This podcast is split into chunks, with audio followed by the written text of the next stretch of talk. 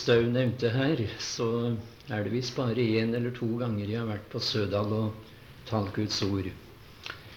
Jeg husker eh, for noen år siden jeg satt uh, der nede og hørte på vår venn som nå er hjemme i herligheten, uh, Håkon Rosenberg. Og det var et vidunderlig møte.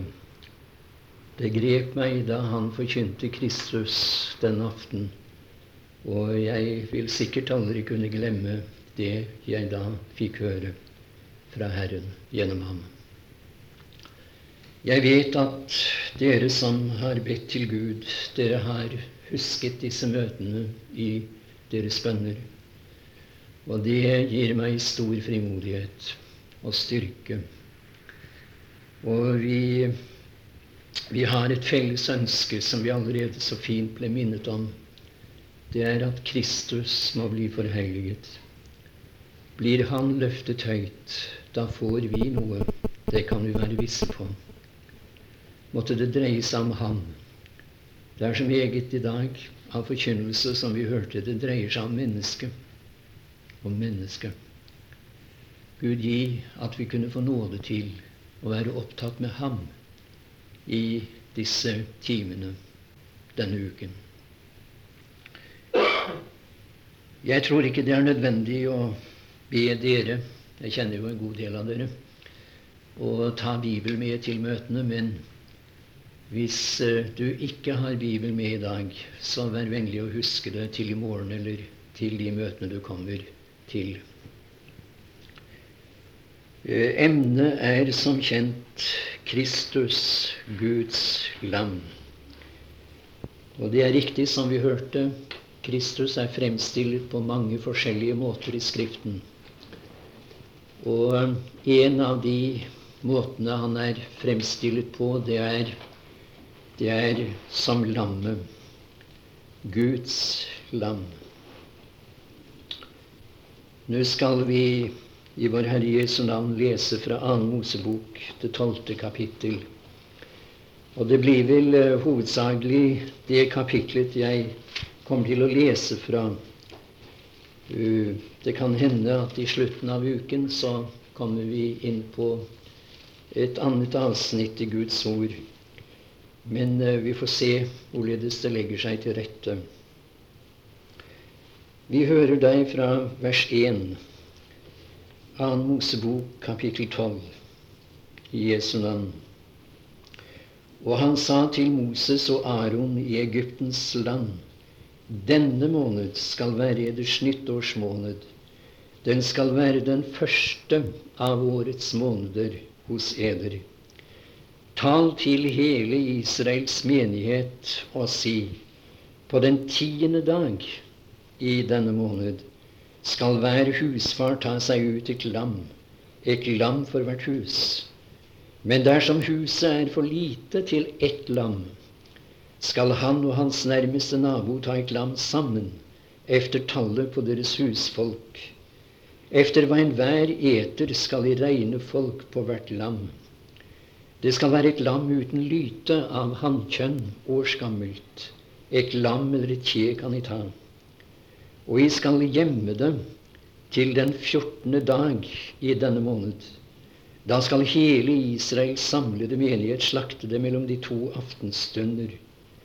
Og de skal ta av blodet og stryke på begge dørstolpene og på det øverste dørtre på de hus hvor de eter det. Og de skal ete kjøttet samme natt, stekt ved ild.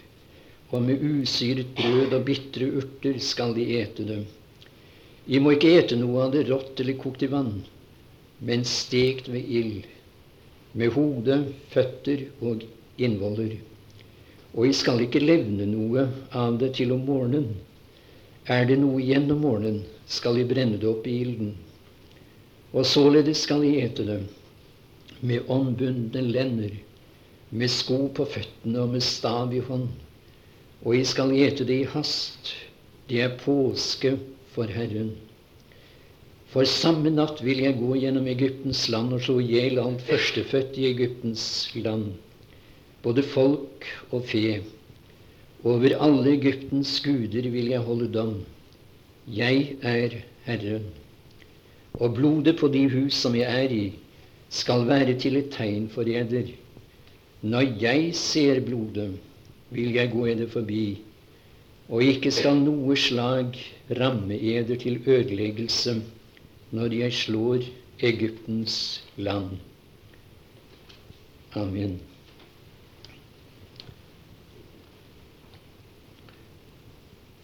En uh, tidligere biskop her i landet hadde en søndag formiddag uh, ordinert en ung teolog.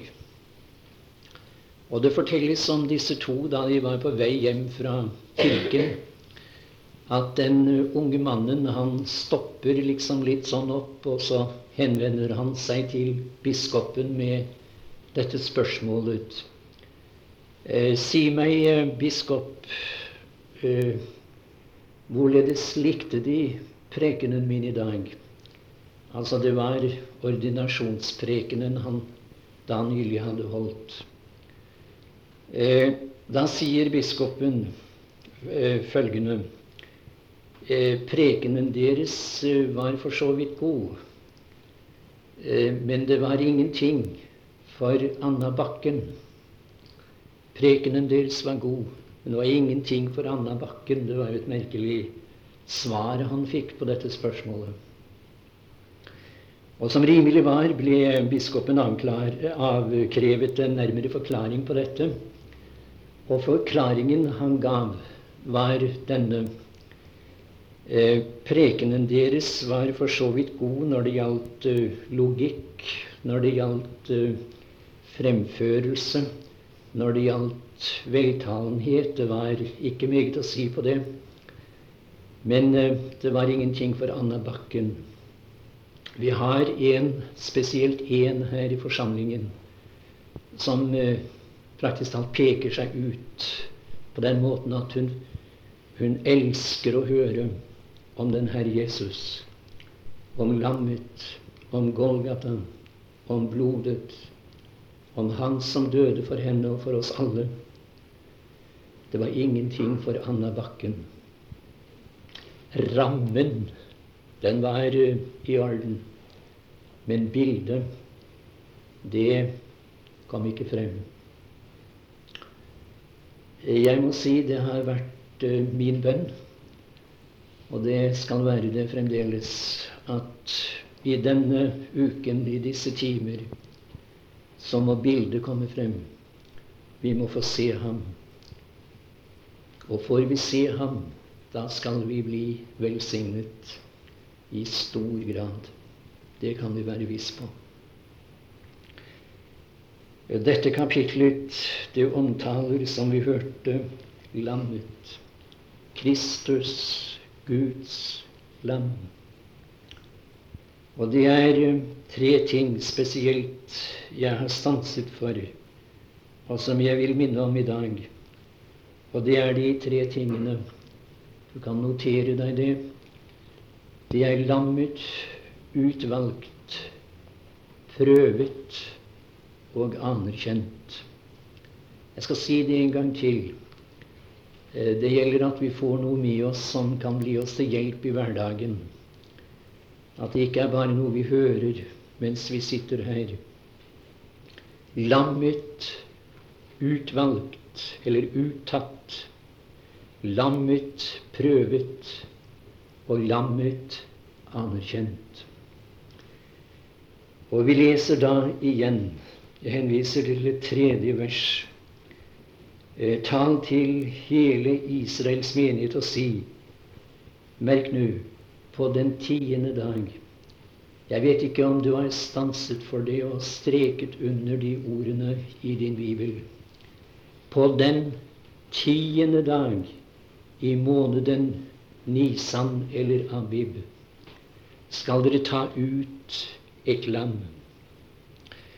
Og jeg tror det ligger noe bestemt i dette, så vel som det ligger noe bestemt i hvert eneste ord i denne boken. På den tiende dag i måneden Nisan ikke på den eh, åttende, ikke på den tolvte, men på den tiende. Nå kjenner vi sikkert de fleste av oss til at det er noe som heter symbolikk. Eh, vi taler om eh, billedsymbolikk, farvesymbolikk og tallsymbolikk. Nå vil jeg gjerne nevne noen av de tallene som ofte forekommer i Skriften. Og jeg tror det kan bli til hjelp for oss når det gjelder bibellesningen. F.eks. tallet to som uh, i grunnen ofte forekommer i Guds ord, så vel i Det gamle som i Det nye testamentet. Det står for vitnesbyrd. Vitnesbyrd. Eh, Enhver sak, står det skrevet, skal stå fast ved to eller tre vitners ord. Det må være altså to, minst, til stede. For at saken skal bli stadfestet og stå fast. Det er tallet to. Eh, når det gjelder tretallet i Skriften, da er det et bilde på det guddommelige. Vi vet at vi har tre personer i guddommen Faderen, Sønnen og Den hellige ånd. Tre, vil du huske det, det er eh, et tall som taler om treenigheten. Den guddommelige treenighet. Vi har tallet fire også på mange steder. Og fire, det er verdens tall i Skriften. Altså, der er tale om de fire verdens hjørner, som du husker fra Matteus evangelium, det, det 24. kapittel, vers 31. Eh, det er tale om fire gjentatte ganger i Åpenbaringens bok. Og du vil finne at det står for de fire retninger som vi taler om. Nord og syd og øst og vest. Det er verdens tall. Fire. Eh, når det gjelder femtallet så syns jeg det er meget, meget interessant å legge merke til at tallet fem, eh, det står for svakhet. Svakhet, det som, det som faktisk er ringe, eller det som ingenting er. Og jeg skal, eh, skal peke på noen steder fra Skriften som stadfester det. I, i første Samuels bok, det 17. kapittel, og der fra det 40. vers, der leser vi om denne unge gutten. Denne svake gutten. Han var svak i seg selv, i hvert fall. David. Vi, vi, vi, leser at han gikk imot denne giganten, denne kjempen av et menneske, Goliat. Og har du lagt merke til i det 40. vers der eh, Han tok eh, sin stav i hånden og søkte seg ut fem fem glatte stener i bekken. Og så gikk han eh, filisteren i møte. Og det var jo som et hån, naturligvis, mot eh, denne kjempen. I det 49. verset i samme kapittel som var så fint i dag da jeg ble stanset for det. Der står det han brukte bare én av de fem stenene. Det var nok til at kjempen falt. Fem Johans evangelium, det sjette kapittel og niende vers, der sier Andreas eh, Her er en liten gutt, sier han. En liten gutt. Og han har fem byggbrød og to små fisker. En liten gutt. Fem brød. Ja, tallet fem står for svakhet det som er ringe. Men så legger, legger de disse brødene i den velsignede Herre Jesu hender. Og så ser vi det ble, det ble mer enn nok. Mer enn nok. For denne store skare, for disse tusener av mennesker. Mer enn nok. Når vi legger det i Hans hånd. I 2. Eh, Korinterbrev, det tolvte kapittel, og der i det tiende vers sier den Guds mann Paulus eh, Kan hende er han den fineste, den edleste og den som er blitt misbrukt i denne tids husholdning. Han sier disse ordene Når jeg er skrøpelig, da er jeg sterk. Det er noen sånne paradokser i Skriften. Når jeg er skrøpelig, da er jeg sterk. Og jeg synes at dette har noe å si til hver enkelt av oss, men ikke minst til, til meg og til de som forkynner Guds ord. Eh, er en forkynner ovenpå, da tror jeg det er vanskelig at Gud får bruke ham. Det er de ringe. Det er de som, som lever i erkjennelse av sin svakhet, sin litenhet man erkjenner at man er intet. Det er da man blir avhengig av Herren. Det er da Guds ånd får komme til. Liten. Jo, vi er et intet, mine tilhørere. Og det blir vi i hans nærhet. Da han får komme til når vi erkjenner hva vi er i oss selv. Ja, det ble jo noe symbolikk, dette, men jeg, jeg, må få lov å gå litt videre. Eh, Sekstallet er menneskets tall i Bibelen. Jeg vet ikke om du har tenkt på det, men ifølge Første Mosebok, det første kapittel, blir mennesket skapt på den sjette dag. På den sjette dag. Og i i 2. Samuels bok, det 21. kapittel og det 20. vers. Eh, der skal vi, skal vi høre noen ord. I det 21. kapittelet av 2. Samuels bok og vers 20 eh, så kom, de, kom det atter til strid ved Gat det var en uh, høyvoksen mann som hadde seks fingrer på hver hånd. Et uh, merkelig monstrum av et menneske. Det står virkelig han hadde seks fingrer på hver hånd og seks tær på hver fot. Hva er det som karakteriserer denne mannen? Han var en fiende av Guds folk. Du kan lese sammenhengen, og det går klart frem. Han var en fiende av Herren en fiende av Herren. Eh, vi går videre til Åpenbaringens bok, og der i det 13. kapittel. Og der får vi høre hva som vil finne sted når den Herre Jesus har rykket sine hjem. Og jeg må få lov å si at det er et kjært emne for meg at den Herre Jesus kommer. At vi kan vente ham hver tid, hver stund. Jeg har ikke fått noen garanti på at han ikke skal finne, innfinne seg, komme ned til luften i løpet av denne aften eller denne natt Du sier 'Er du overspent?' Nei, jeg er ikke det.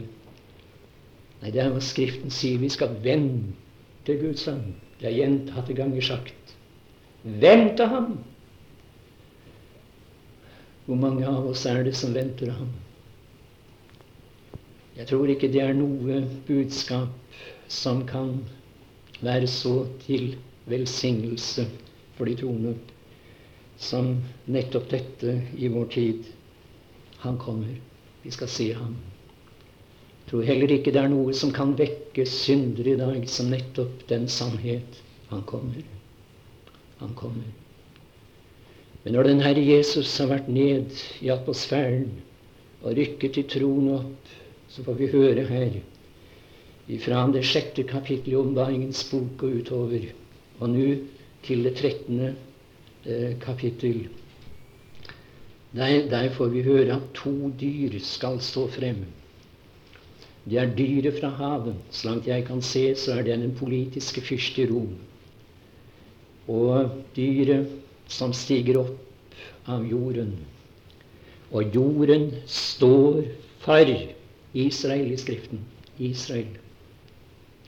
Så denne personen vil uten tvil være en jøde. Han vil virke på det religiøse plan i Jerusalem og øve en fryktelig innflytelse på det frafalne Israel. Nå taler om Israels nasjon. Så heter det her om dyret i det 18. vers Se på det. Her er visdommen. Den som har forstand, han regner ut dyrets tall. For det er et menneskes tall. Det er et menneskes tall. Eh, og dets tall er 666. Tre sekstall. Det er menneskets tall. Og, og, det kan du være viss på at når disse to personer står frem etter at menigheten er rykket bort, etter at verden er tom for troende, troende som hører til denne tidshusholdning, altså, eh, da, da vil man få se hva som bor i mennesket. Hva som virkelig bor her hva fallet egentlig førte til. Seks menneskets tall. Syv, det er fullkommenhetens tall. Og vi har som kjent syv dager i uken. Det er syv toner i musikken. Det er syv farver i regnbuen. Og det er de som hevder ganske sterkt Jeg er ikke kompetent til å uttale meg om det, men jeg tror det er meget som taler for det. Eh, store Guds menn, benådede Herrens tjenere, har pekt på at eh, hele denne boken er bygget på tallet syv. Bygget opp på tallet syv. Fullkommenhetens tall. Jeg syns, jeg gjentar, det er meget som taler for at det er riktig. I alle tilfeller dette er en fullkommen bok. Inspirert fra ende til annen. Vi skal komme litt nærmere inn på det etter hvert som vi skrider frem i våre betraktninger. Tallet ti. Eh, det forekommer også ganske ofte i Skriften. Det er tale om ti jomfruer i Matteus evangelium, det 25. kapittel. Vi hører om eh, noen som skal herske over ti byer i Lukas evangeliums 19. kapittel. Og eh, vi vet også fra den gamle pakts tid det var ti bud i Sinai-loven, den moralske lov, som ble gitt til Israel. Ti. Jeg ser det sånn. Det taler om hva Gud fordrer. Hva Gud fordrer. Fordret han noe spesielt når det gjaldt lammet? Påkaller oppmerksomhet. Var det noe bestemt Gud sa om lammet, hvorledes det skulle være? Se på det femte vers av Mosebok 12, vers 5, altså. Det skal være et lam uten lyte av hannkjønn, årsgammelt. Ikke et hvilket som helst lam kunne tas ut og bli til Israels frelse denne mørke natt i Egypten. Men et lam, som det heter om annet, som var uten lyte. Og i det sjette vers, se på det, dere skal gjemme dem holde det skjult inntil den 14. dag i denne måned, altså Nisan. Fra den 10. til den 14. skulle lammet holdes skjult. Hvorfor det? Ja, jeg tror det er bare et svar, nemlig lammet skulle prøves. Prøves! Og jeg ser for meg husfaren i disse hjemmene i Israel. Jeg ser at han, han går bort og tar dette lammet i øyesyn, gransker det, betrakter det nøye.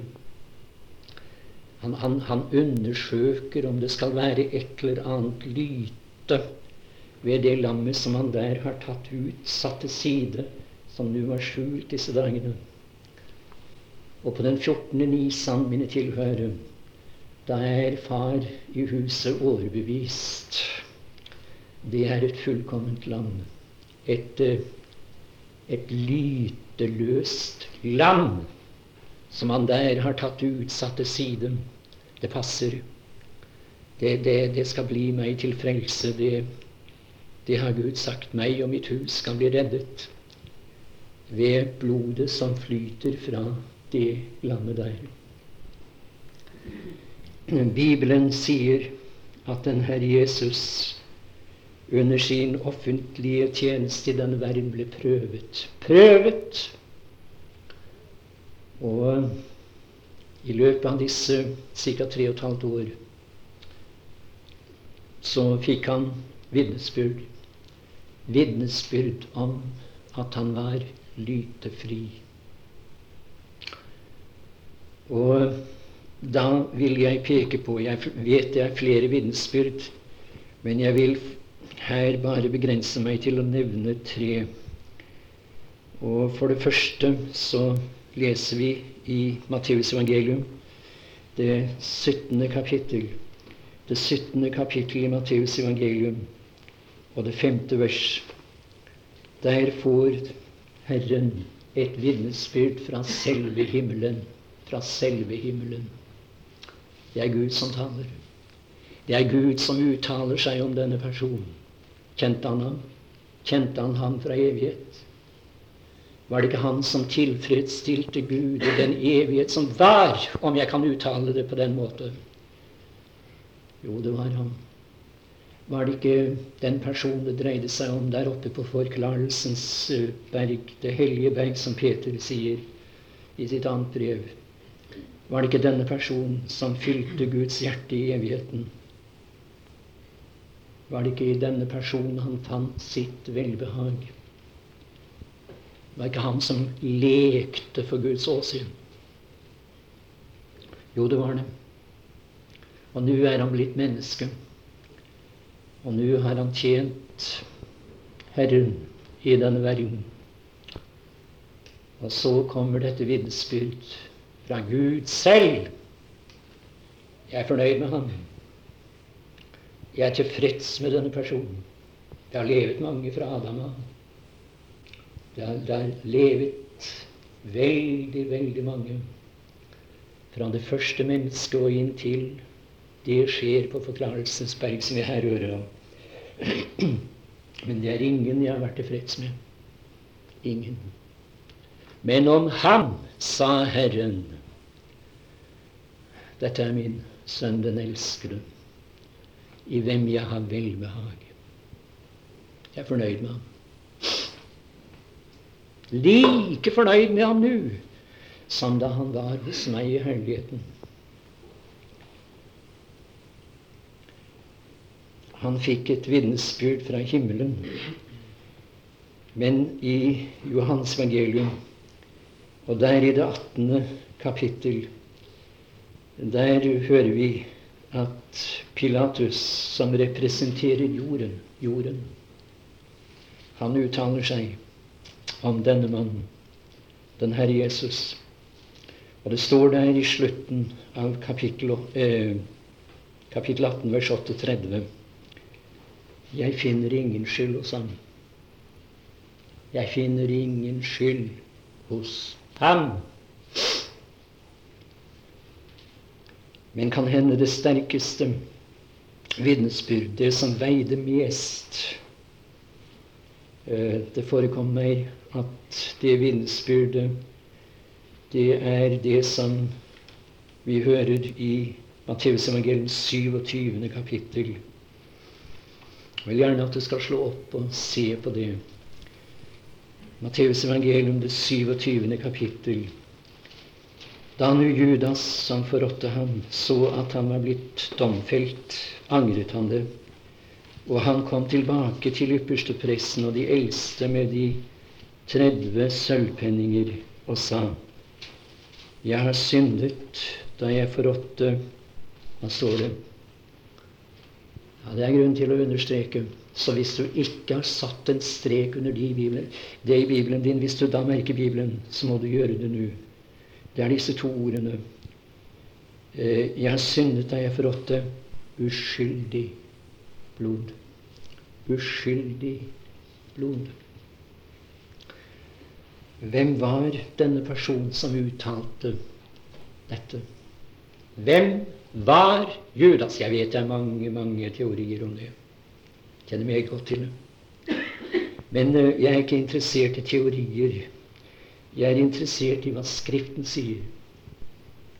Og nå skal vi lytte til hva Bibelen sier om denne personen. Bibelen er ikke taus når det gjelder hvem var Judas Iskariot.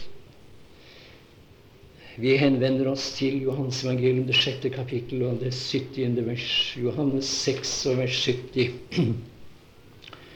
Jesus svarte dem, har ikke jeg utvalgt eder tolv, og en av eder er en djevel.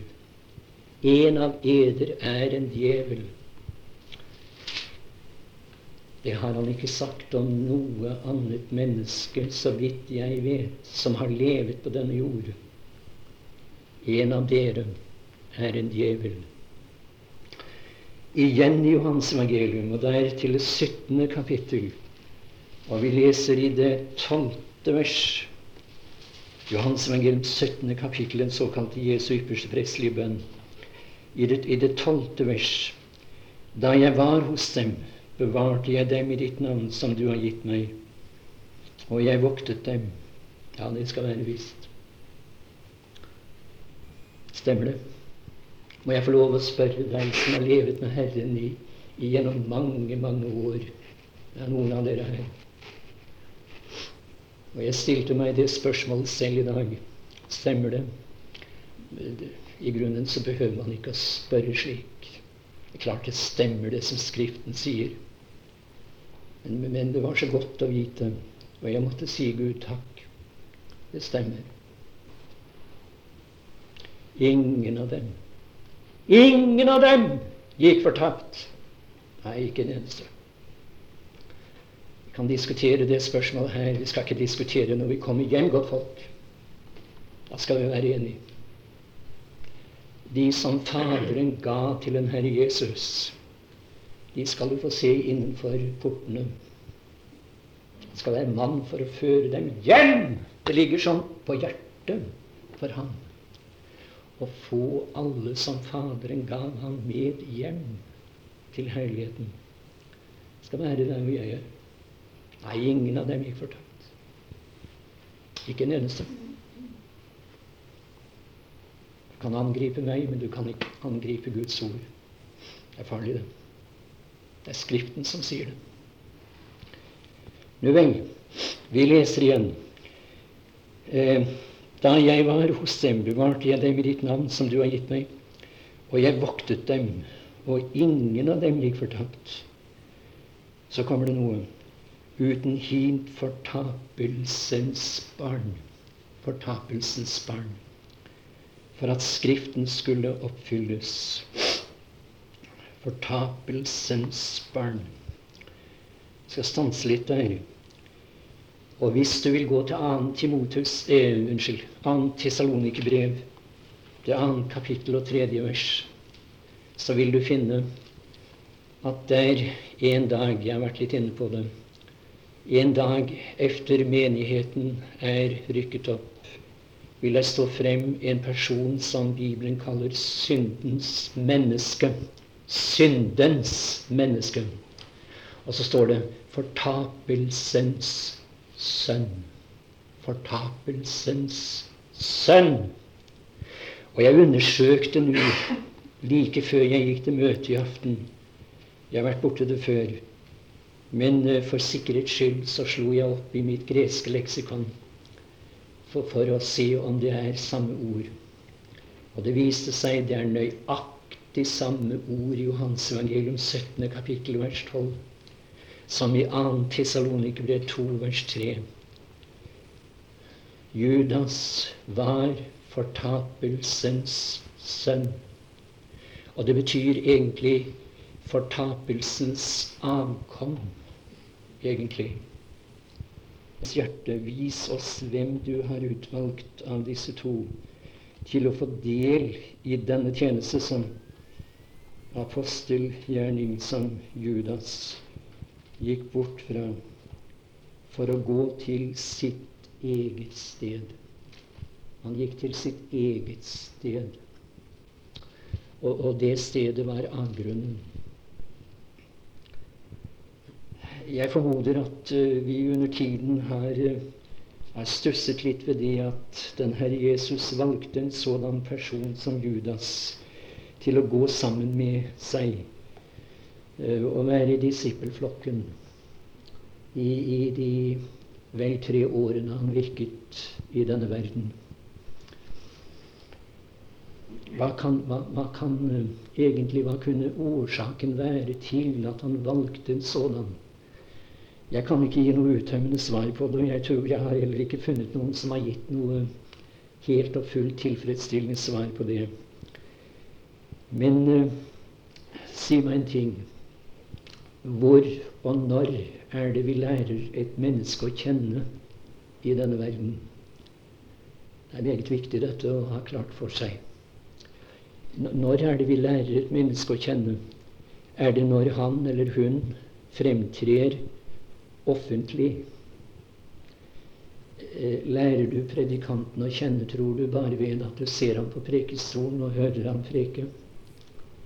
Nei, du kan være ganske viss på du lærer ikke et menneske å kjenne ved bare å høre ham tale i en offentlig forsamling. Hvis du, hvis du vil vite hva jeg er, og hvordan jeg er, hvordan jeg ter meg, oppfører meg som en trone. Da skal du snakke med min hustru og med vår datter der borte på Vestlandet. De har levet meg nær, skjønner du. De har betraktet meg i privatlivet, i hverdagen. Ja. Så de kan uttale seg om den saken der. Og det vet jeg, at hvis de vil være ærlige, så vil de si det er det er mange brist ved den fyren der. Vi har registrert mange ting ved ham som slett ikke nærmer seg fullkommenhet. Tvert imot. Sånn er det. Jeg tror at Herren valgte representanten fra avgrunnen for at denne mann i tillegg til et vitnesbyrd fra himmelen, et vitnesbyrd fra jorden, et vitnesbyrd fra selve avgrunnen, at han der skulle komme. Han, skulle komme og si Det er uh, uskyldig blod som risler gjennom denne manns årer. Det er en plettfri person. Tror du ikke Judas prøvde som fortapelsens sønn å finne om ikke mindre enn ett punkt han kunne felle ham på. Jo, du kan være 100% sikker på det. Og så kommer han og styrter ham bort til, til ypperste presten og de eldste der og kaster fra seg disse usle penger og utbryter Det er rent blod. Hellig blod! Ja, det er jo Guds blod som flyter i denne persons årer. Jeg har sett ham på nært hold. Jeg har fulgt ham i privaten. Jeg har sett ham da han talte med kvinnen der ved brønnen. Jeg var ikke langt borte da han kjempet i Getsemane. Jeg har sett ham. Jeg har fulgt ham hele veien. Jeg har stått ham nær. Og så sier han uskyldig blod er i denne persons årer fullkomment blod. Ja, Skriften sier han så ikke forråtnelse. Naturligvis så han ikke forråtnelse. Han som var Gud og menneske i en person. Det skal være et lam uten lyte. Et, eh, et årsgammelt lam.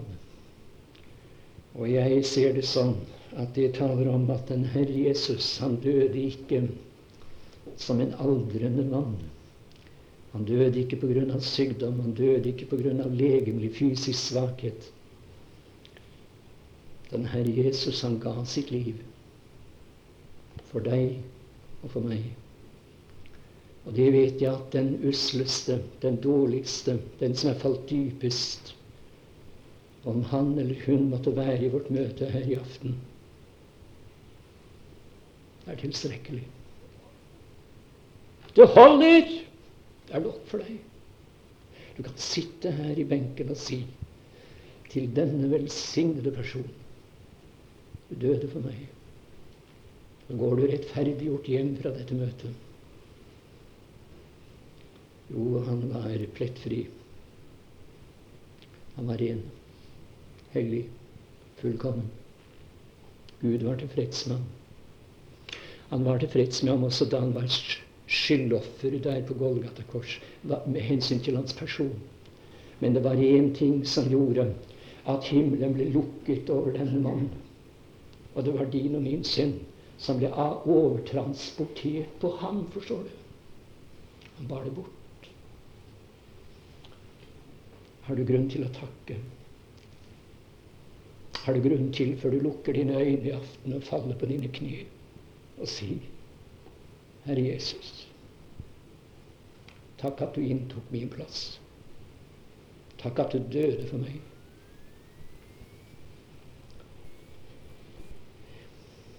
Ikke med forgjengelige ting, sier 1. Peter 1,18 og 19 og 20. Ikke med forgjengelige ting.